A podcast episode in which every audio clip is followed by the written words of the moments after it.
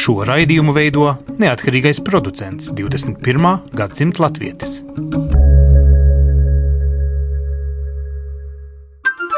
Lai kur mēs būtu, Lai kur mēs būtu, Lai kur mēs būtu, Lai kur mēs būtu, Tie esam mēs. tie esam mēs. mēs. Tie esam mēs. mēs tas ir par mums. Tas ir par mums. tas ir par mums. Sveicināti raidījumā 21. gadsimta latvieši. Šodien priecīga ziņa tiem, kuriem patīk skatīties Latvijas televīziju, bet viņi dzīvo ārpus Latvijas teritorijas. Dažkārt ar dažādiem ģeobloķēšanas un citiem iemesliem, pārsvarā jau autortiesību dēļ, līdz šim tehniski tas bija vai nu puslegāli atrisināts, vai patiesībā daudzas no lietām nepieejamas. Latvijas televīzija nulle palaidusi klajā kanālu, visiem LTV.CLV, tātad visiem pieejama Latvijas televīzija, un ar vārdu visi šodien tiek domāti tie, kas ir uzticamākie mūsu raidījuma klausītāji, cilvēki, kas nedzīvo Latvijā. Esmu Latvijas televīzijas ēkā, kur es laikam varu jūs apsveikt. ģenerāldirektoram Ivaram Beltem ir vēl viens kanāls klāt, vai jūs to tā arī uztverat, vai patiesībā Ivar šis dublēs kaut kādā mērā to saturu, kas tāpat jau ēterā ir, izņemot tās reizes, kad ko nedrīkst vienkārši rādīt rādīt ārpus Latvijas. Nu jā, man šķiet, ka vajadzētu paskaidrot tiešām, ko tad mēs esam izdarījuši un kas ir šis kanāls.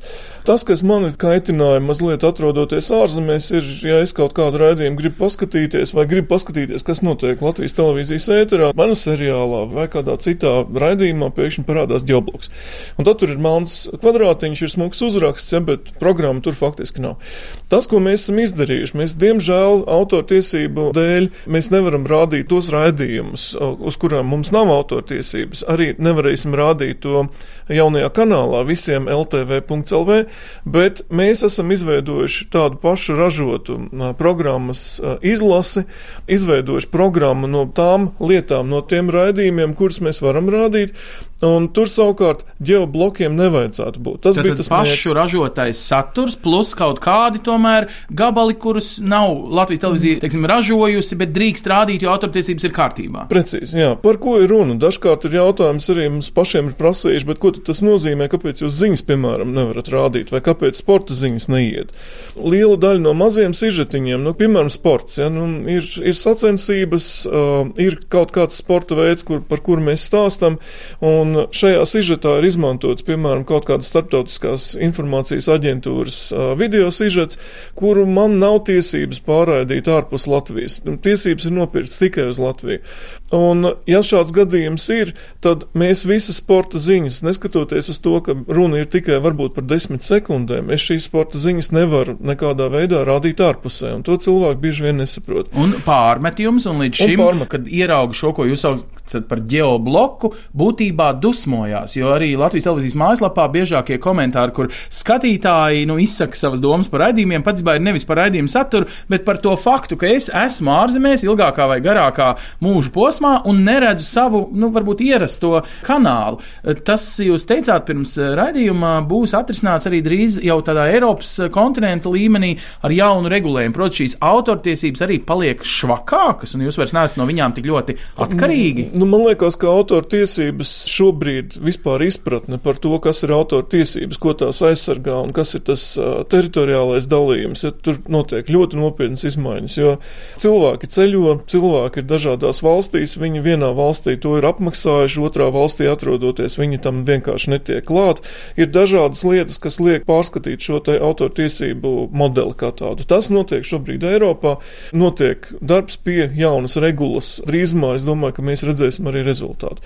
Visticamāk, ka tiešām būs tā, ka, ja es esmu, piemēram, apmaksājis nu, vienu kanālu Latvijā, man ir tiesības to skatīties, tad tas būs īstenībā pieejams arī līdzīgi kā tas ir Netflixam, piemēram. Jā, un tieši šis salīdzinājums ar faktiski neraidošām, bet tikai internetā dzīvojušām televīzijām ir tas, kas liekas, vai jūs gadienā neiet, nu, nevis pēc straumi, bet vienu soli pēc tā laikmeta, kad faktiski katrs atnāk mājās un internetā paskatās, ko grib, un tam ir vajadzīgs YouTube, vairs nevis tā klasiskā televīzija, proti, ka cilvēki jau to programmēšanu dara paši, nevis skatās obligāti tad, kad jūs piedāvājat piecos vai septiņos, kad ir šis ierastais ētera laiks. Un īpaši ārzemēs dzīvojošie, es domāju, ir vienkārši pieraduši pie tā. Arī viņi gal galā dzīvo citās laika joslās bieži. Tās izmaiņas jau ir ļoti daudz. Pirmkārt, cilvēki vecumā līdz 35 gadiem tiešām vairs neskatās lineāro televīziju. Viņi ir savā datorā, viņi ir telefonā, viņi ir iPadā un citās ierīcēs.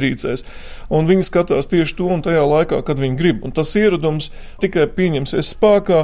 Nebūs tā, ka pēkšņi šie jaunākā auditorija pēkšņi kaut ko sāk skatīties lielajos ekrānos. Tas vienkārši nenotiek. Tā kustība notiek pretējā virzienā. Cilvēki vecumā no 35 gadiem un, un vecāki savukārt ļoti aktīvi tieši patērē, vairāk patērē tieši lineāro televīziju un mazāk šo te internetu.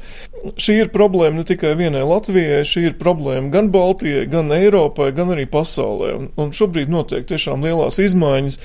Es domāju, ka tas ir tikai laika jautājums, kad šis saturs būs pieejams plašākai auditorijai arī citās valstīs. Nu, mūsu raidījums, piemēram, divas trešdaļas skan Latvijā, viena trešdaļa noteikti, ja ne pat vairāk, caur internetu mūsu klausītāji ir visās pasaules malās. Cik jūs reiķināt šobrīd Latvijas televīzijai ir sekotāji, kurus laikam pat statistiski ir grūti vienmēr izpētīt, kuri tiešām ir regulāri Latvijas televīzijas viena vai otra kanāla fani un skatās faktiski bez jebkāda klasiskās televīzijas pieskāriena, tikai internetā.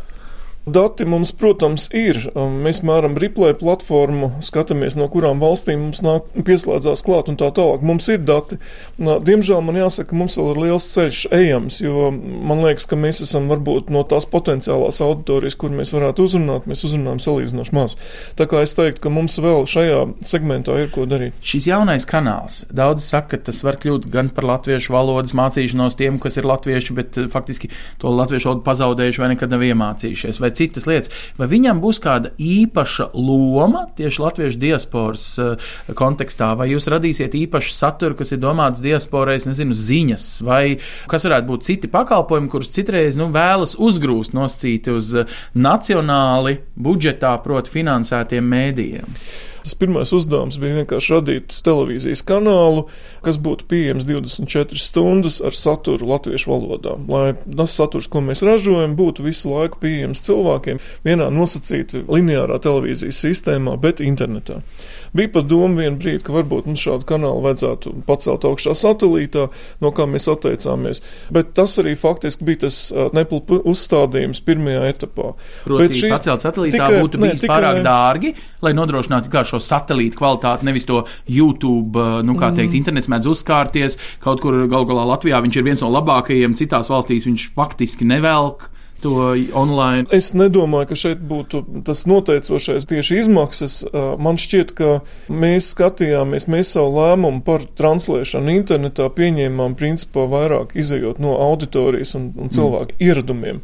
Nu labi, un, un atpakaļ pie šī satura, vai jūs ražosiet speciālu priekš nu, nosīt diasporas vajadzībām? Mēs esam tagad to pirmo tehnisko etapu, mēs esam pabeiguši. Mēs vācam šobrīd informāciju arī par kļūdām, jo ir kaut kāda signāla no Amerikas, ja, ka, piemēram, nav kaut kas redzēts, ka tomēr ir atsevišķiem produktiem ģeobloks virsū. Cenšamies saprast, no kādām ierīcēm iet iekšā, varbūt, ka tur ir problēma, lai atrisinātu, teiksim, nu, nosacītu nu, šos te bagus, kur lecārā. Otrajā etapā, un jāsaka tā, mēs tiešām domājam, ka mēs varētu iet pie NPLP ar kaut kādu m, savu programmu, ar attīstības plāniem un tam līdzīgi, bet mēs nedomājam, ka mums būs jāķerās šim darbam klāt tik ātri, un tik enerģiski, jo mums ir bijusi pirmā tikšanās šobrīd ārlietu ministrijā kopā ar kultūras ministriju, vienā darba grupā, kur interese par šo te kanālu faktiski internetā jau ir izrādīta reāli no visām pusēm. Mēs esam lūgti aicināti izstrādāt darbības plānu, varbūt arī vairākas versijas, vienu ļoti aktīvu, ar, ar lielu finansējumu, mazāk vidēji aktīvu un pavisam neaktīvu, lai faktiski politiķi varētu arī pieņemt lēmumus un varbūt iespējams arī atbalstīt mūsu oriģinālu satura ražošanā, tieši runājot par diasporām, par cilvēkiem, kas dzīvo ārpusē, atspoguļojot viņu problēmas. Jā, un tur jūs dabūsiet, piedodiet, kliedzienus no tiem cilvēkiem, kas teiks, ja brīdī, kad, un es zinu, tas nav Latvijas televīzijas pašas vaina, bet uh, televīzijas un radio torņu neesamība, bet šur tur Latvijā teritorijas pierobežā vēl nav visi šeit dzīvojošie, tātad nodokļus maksājošie nosakt ar iespēju skatīties pilnā apjomā, klausīties pilnā apjomā nacionālos mēdījus, un mēs radām jau kanālu tiem, kuri Latvijas valsts budžetā patiesībā retu reizi papildina kaut ko. Jūs nonākat tādā dilemmas priekšā. No vienas puses šis Latvijas nacionāla televīzija dotais uzdevums, no otras puses nu, tā praktiskā puse, tad zināms negodīgums dažiem var uh, izklausīties. Ir jautājums tiešām par latgāles pusi un ir jautājums par tehnisko sasniedzamību. Es esmu runājis arī ar uh, cilvēkiem, kuri ir mērījuši, cik tad ir tās maisas lauksaimniecības, kuras ir ārpus uztveramības zonas, viņi jāsaka tā nav īpaši daudz. Tur vairāk ir jautājums par to, cik daudz, teiksim, šie cilvēki reāli grib skatīties Latvijas televīziju un cik cilvēkiem ir arī mm, saprotama valoda un, un šādi jautājumi. Man liekas, ka viņi ir būtiskāk izvēloties, piemēram, tādu Baltkrievijas televīzijas paketu, kur ir pieejami pierobežā daudz kvalitatīvāk un tā tālāk. Tā kā viņi pie tā ir pieraduši, es domāju, ka jautājums par šiem cilvēkiem jautājumi šīm maisaimniecībām ir jārisina un pie tā arī strādā. Protams, ka tas ir saistīts ar palielām investīcijām, lai sasniegtu šīs pāris maisaimniecības, nu pāris desmit vai simtu maisaimniecības pierobežas joslā, bet es nedomāju, ka tā ir tikai tehniska problēma. Es domāju, ka tur ir vairāk arī nu, tāds valsts uzstādījums, vai mēs gribam ar šiem cilvēkiem komunicēt un ko tieši mēs gribam viņiem piedāvāt. Un, un tur man liekas, ka ir sliktāk. Jo es esmu vienmēr iestājies par to, ka mums ir jārisina nevis um, tehnoloģiskie jautājumi, kā mēs tehniski varam sasniegt šo auditoriju, jo cilvēki tiklīdz būs interesi par saturu, un ja mēs, piemēram, palaistu tiešām reāli arī savu mm, latgals studiju, nu tādu video studiju ar latgals problemātiku, ticiet man, tie satelīti šķīvi un antēnas ļoti akurāti pagriezt atgriezīsies ja, Rīgas virzienā. Bet, diemžēl, mēs šos lēmumus neesam varējuši politiski pieņemt, ja nu nav atradies finansējums tam visam, tāpēc arī joprojām tās antenas ir tajā virzienā pagrieztas, kurā viņas ir. Bet tātad, nu, runājot naudas izteiksmē, šis kanāls nav tik dārgs, lai tagad kāds pārmestu, ka jūs apkalpojat diasporu, kas uh, varbūt daži nemaz nekad mūžā nedzīvos Latvijā, ka šī saiknes uzturēšana neatmaksājas uh, brīdī, kad nu, pašu cilvēki lūk šī latgala Latgales dimensija nav nosīta pilnvērtīgi iekļauta? Nē, mēs nerunājam par milzīgām investīcijām. Mēs, nu, tas, kas maksā naudu, ir pats saturs, bet Jā. saturs jau ir pirmajā un septītajā kanālā. Tas nav unikāls un oriģināls saturs tikai šim kanālam, tā kā tā pašizmaksa viņam ir ļoti zema. Un faktiski mēs runājam par pāris projektu menedžeriem, kuri pie šī projekta Jā. vispār strādā, tā kā mēs nerunājam par milzīgu investīciju no nodokļu maksātājiem. E, bet ilgtermiņā domāsim līdzībās. Francijai ir ir tāds kanāls eh, TV5 pasaule, kur uh, speciāli, lai arī franciski runā, cilvēki saņem arī subtitrus franču valodā, gluži vienkārši, jo franču valoda ir tik plaša ar dažādām izloksnēm, vēsturiski savādāku franču valodu, teiksim, Āfrikā vai kur. Vai jūs uh, esat domājuši, ka var pienākt mirklis, kad nāksies subtitrēt pašiem savu latviešu valodu, lai vispār tāds latviski švaki, līdzi spējīgs cilvēks nu, saprastu, jo dažreiz arī mēs Latvijā norējam galotnes, runājam citā valodā valodā, ar citiem vārdiem. Citreiz to sauc par vieglo valodu. Šoreiz laikam vienkārši, lai visi latvieši varētu šo kanālu lietot, lai kur viņi dzīvotu pasaulē. Ziniet, nu šis jau, es teiktu, laikam ir uh, nākošais etaps, kad mēs runāsim par tādiem smalkumiem. Es domāju, ka mums vajadzētu sākumā saprast, kas ir šī kanāla auditorija, cik ir cilvēki un ko tieši patērē un cik daudz patērē šajā kanālā.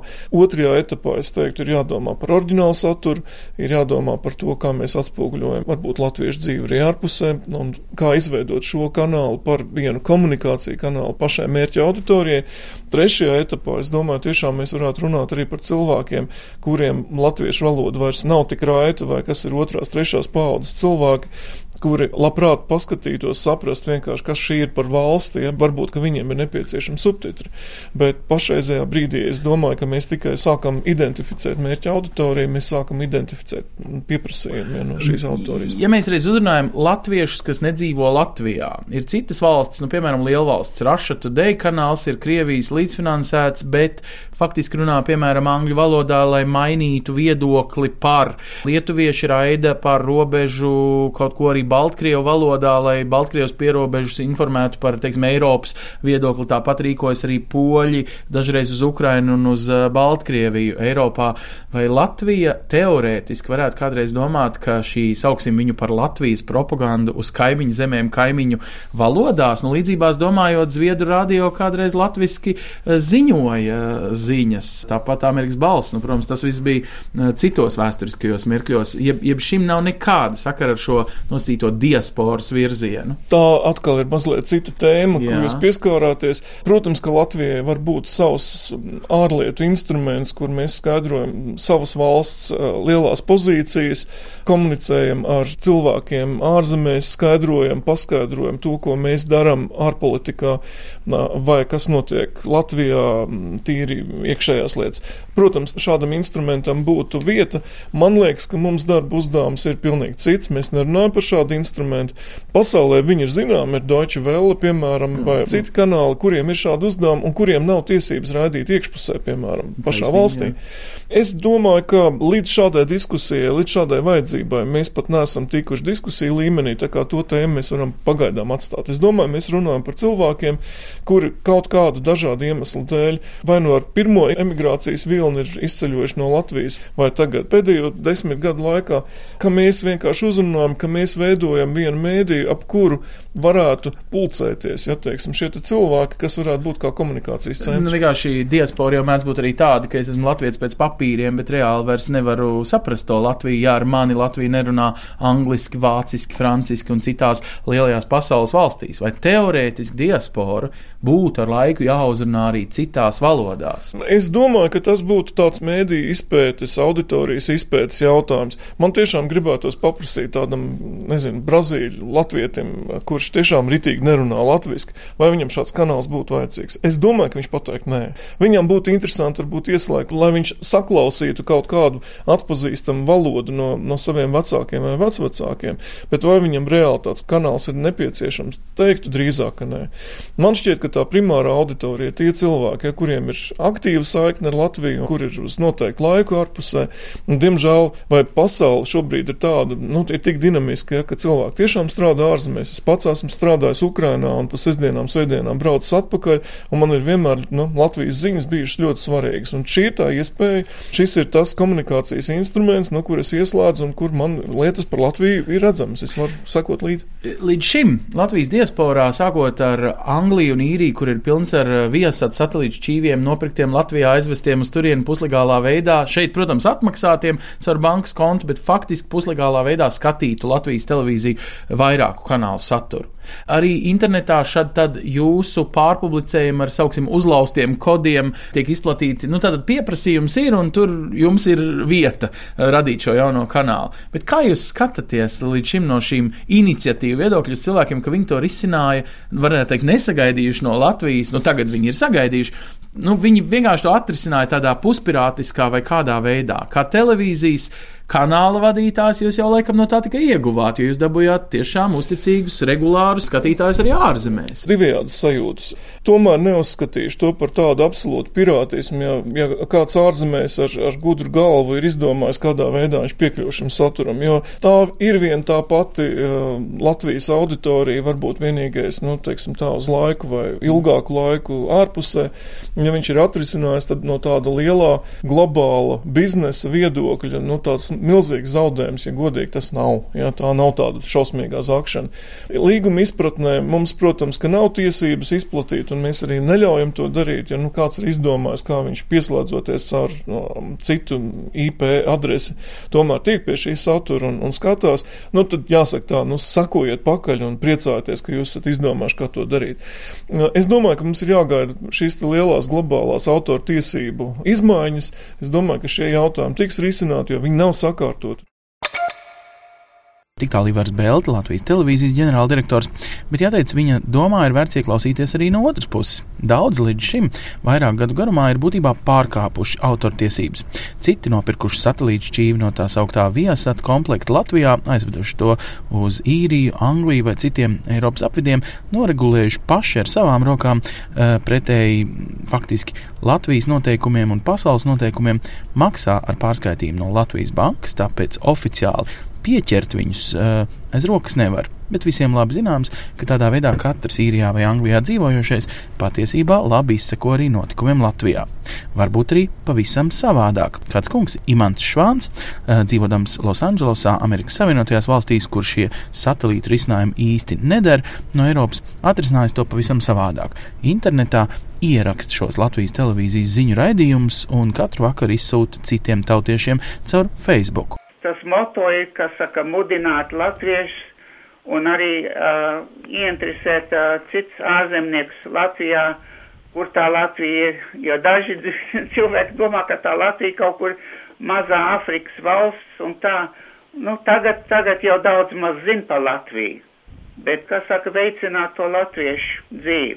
Es esmu uzstādījis to mājaslapu, kur ir, ir visi, visi kanāli. Radio, ko es esmu klausījos, tur nav nekāda problēma. Par televīziju teiksim, par to LNT internetu streaming.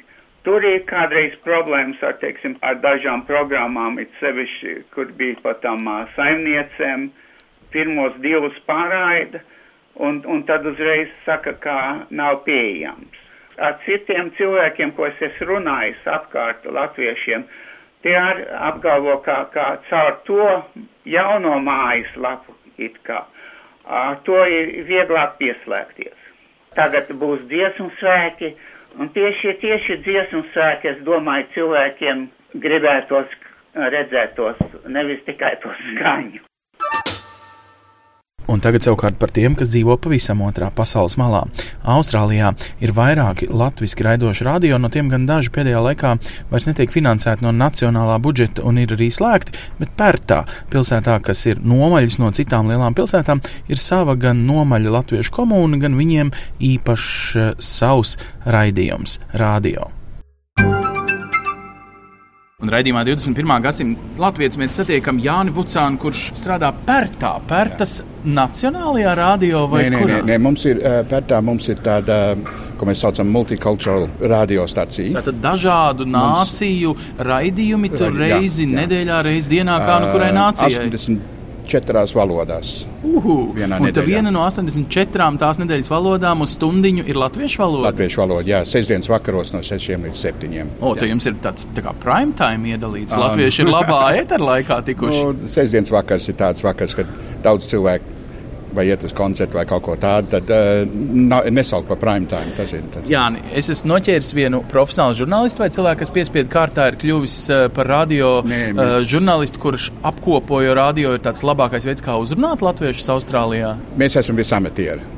Pērtā. Mēs vienkārši brīvprātīgi strādājam, taisām programmas. Mēs esam četri cilvēki pašlaik. Tas ir daudz, no, vesela redakcija. Brīvprātīgā veidā. Bet, rīkojam. kas ir tie biežākie temati? Tas nozīmē visas tās aktualitātes, ko Latviešu komūna varētu piedzīvot, atnākot uz šo dievkalpojumu vai nākamo tautsdeju kolektīvu uh, mēģinājumu, vai no, tas ir kaut kas plašāks? Pērtā mums nav tik plašs, tā kā ir palicis Adelaidē, Melburnā, Sidnejā. Pērtā mums pašlaik sarūk. Mums tikai ir daži cilvēki un mēs vienkārši sniedzam drusiņu vietējās ziņas, sarīkojumus. Un tad mēs lietojam um, informāciju no Latvijas, lai varētu sniegt ziņas no Latvijas. Un kā jūs atlasat šīs ziņas no Latvijas, kad jūs tā sakat? Un tas ir tāds interesants fenomens. Kāpēc gan jums vajadzētu ziņas no Latvijas, jo tās visas taču Latvijas internetā var izlasīt tā kā tā? Jā, bet ne visiem cilvēkiem ir internets. Mums pētā lielākā daļa mūsu latvieši ir pensionāri. Viņi ir tie, kas iebrauc Austrālijā pēc kara tie jaunie braucēji mazāk satiekās ar mums. Tā mums ir liela problēma. Un mūsu cilvēki, lielākā daļa viņiem nav internets. Tad mēs esam tas lokus uz Latvijas uz notikumiem. Latvijas. Jā, jā. Vai arī pasaules notikumiem, vai tikai latviešu lieta Pērtā, latviešu Nē. lieta Austrālijā un Latvijas notikumi? Mēs um, Latvijas notikums vairāk par Latviju un latviešiem. Tas ir, kas cilvēkiem interesē, kas notiek Latvijā šī momentā. Un tad mēs lietojam avotus tā kā PBLā, ziņlapa. ziņlapa, arī Latvijas visādas tās avīzes, kas ir uz internetu, un tad mēs ņemam gabalus no, no turienes. Un tas ir, kas man mazliet pārsteidz, jo mūsdienās jau saka, ka internets ir tas ātrākais uh, apguves veids, vēl ir arī tāda avīze Latvijas vai uh, Latvijas Austrālijā. Cik lielā mērā jūs varat teikt, ka jūs klausītāji jums seko? Vai nav tā, ka kaut ko var arī rakstiskā veidā uzzināt ātrāk? Vieglāk vai savā ziņā arī nu, ērtāk, jo lasi, kad gribi, nevis klausies, Jā. tad, kad ir gaisā Jā, tikai to okay. vienu reizi nedēļā. Um, nu, mums tā lieta ir tāda, ka pirmkārt, lielākā daļa cilvēkiem, kā jau minēju, nav internets. Tas ir pirmais.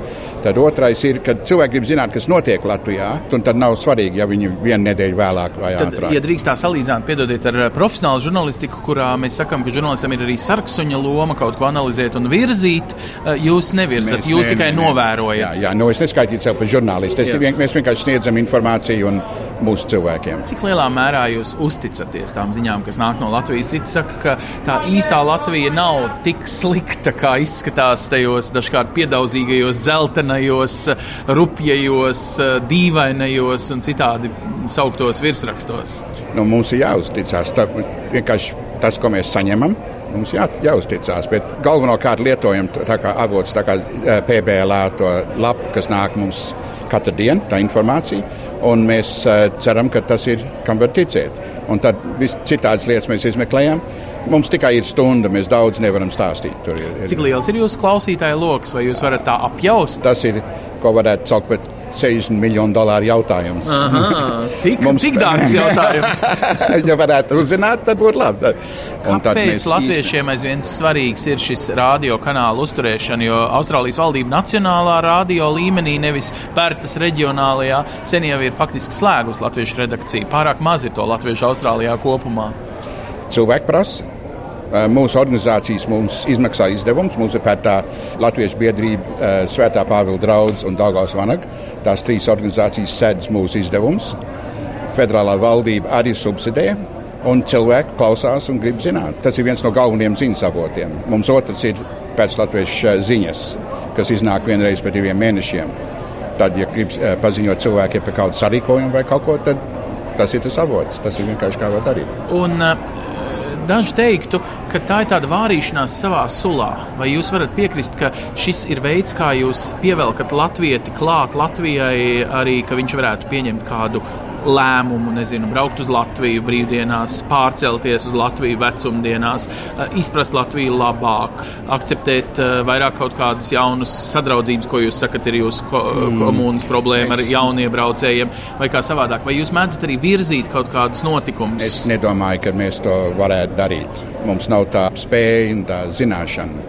Kā jau teicu, mēs neesam žurnālisti. Mēs vienkārši sniedzam informatīvu raidījumu. Un, uh, mēs nedrīkstam uh, par politiskām lietām, kad nāk saimnes vēlēšanas, cilvēki prasa informāciju tām partijām, bet mēs nedrīkstam raidīt politisku informāciju. Tā ir tā, tas, tas līgums, un ko mēs strādājam ar, ar to multicultural broadcasting. Kā jūs domājat, vai šis palīdz latvietim būt vēl aizvien par latvieti, un citādi viņš jau kļūtu par pilnīgu austrāli bez kaut kādas savas pieturspunkta savām etniskajām saknēm, vai radio kalpo arī kā tāds nu, latviskuma mugurkauls? To es nevarētu atbildēt. Nu, es, nu, kaut vai et... fakts, ka jūs runājat latviešu valodā, jūs atgādināt dzimtās valodas nu, mums, skaistumu galu galā. Tā latviešu sabiedrība eksistēt bez radio. Tas, ka pētā cilvēku uzbūvēja centru, sanāca kopā, dibināja organizācijas, bija Latvijas skola, dramatiskā kopa, kori, vis tādas lietas, tās jau notika pirms radio raidījumiem. Un, uh, tas ir tikai veids, kā informēt cilvēkus. Tas ir viss, ko mēs darām.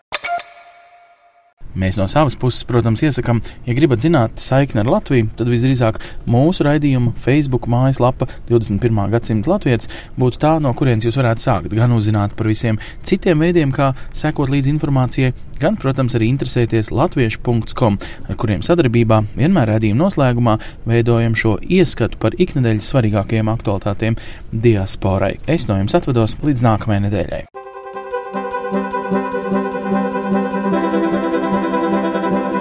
Sadarbībā ar, ar Latviešu.com piedāvājam globālais latviešu notikuma apskats, kur ir tur rodas. Kur ir tur rodas? Tas ir par mums! Iesākumā atgādinājums. Muzejs Latviešu pasaulē un pētniecības centrs Lapa turpina darbu pie akcijas Stāstu sega par godu Latvijas simtgadēji. Akcijas ideja ir kopīgas lielizmēra tekstilu mozaīkas segas izveide, ko dāvināt mūsu valstī apaļējā jubilejā.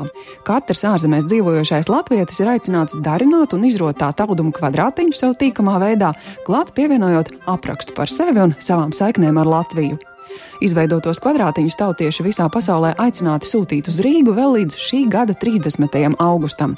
Tad sāksies akcijas nākamais posms - segas veidošana un dāvanas noformēšana. Austrālijā šīs nedēļas nogale ir bijusi notikumiem bagāta gan lieliem, gan maziem. 18. martā Daugavas vanagu mītnē Melburnā notika atceres sarīkojums par godu latviešu leģionāriem. Īpaši šajā dienā Melburnā pieminēja un godināja latviešu tautas kara varoni un pulkvedi Oskaru Kalpaku. Savukārt šodien, 19. martā, Sidnejas Latviešu namā svinīgi atzīmē Sidnejas Latviešu biedrības 65. jubileju. Sarīkojumā pār muzikālo noskaņojumu gādā ansamblis Adelaides trio ar čelistu Jāni Lauru priekšgalā, kā arī uzstājas jauniešu ansamblis Ella Mačēna, Ivars Štubis un Jānis Lucis. Vakar gaitā būs iespējams dzirdēt Ellas Mačēnas un citu latviešu komponistu skaņdarbus. Par gardām uzkodām gādās Sidnejas Latviešu biedrības dāmu kopa.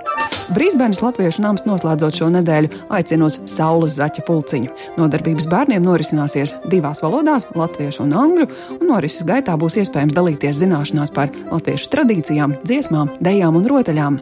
Nākamā nedēļa Beļģijā solās būt gana izglītojoša ar dažādiem semināriem un sapulcēm. 24. martā Latvijas pastāvīgās pārstāvniecības telpās Briselē notiks Beļģijas un kaimiņu valstu latviešu kopienām paredzēts atvērtais seminārs ceļā uz simtgadi iedrosme aktīvai latvietībai. Seminārs būs veltīts Beļģijas diasporas rādītājiem, Eiropas Latviešu apvienības un Latvijas Universitātes filozofijas un socioloģijas institūta īstenotajā pētījumā Eiropā dzīvojošo Latvijas piedarīgo pilsoniskā līdzdalība. Visi interesanti ir aicināti pieteikt savu dalību līdz 20. martam. Semināru rīko Eiropas Latviešu apvienība sadarbībā ar Latviešu biedrību Beļģijā. Savukārt nedēļas nogalē, 25. un 26. martā, Beļģijā norisināsies ikgadējā Eiropas Latviešu apvienības biedru kopsapulce. Plašāku informāciju par daudziem citiem gaidāmajiem notikumiem, kas saistoši visā pasaulē dzīvojošajiem latviešiem, meklējiet portālā latvieši.com notikumu sadaļā, 21. gadsimta latvietis Facebook lapā, kā arī daudzās, jo daudzās latviešu kopienu mājaslapās pasaulē. Raidījumu veido Ancis Bogustovs, Paula Gulbinska, Arta Skuja un mūsu ārzemju korespondenti. Raidījuma producents Lukas Rozītis.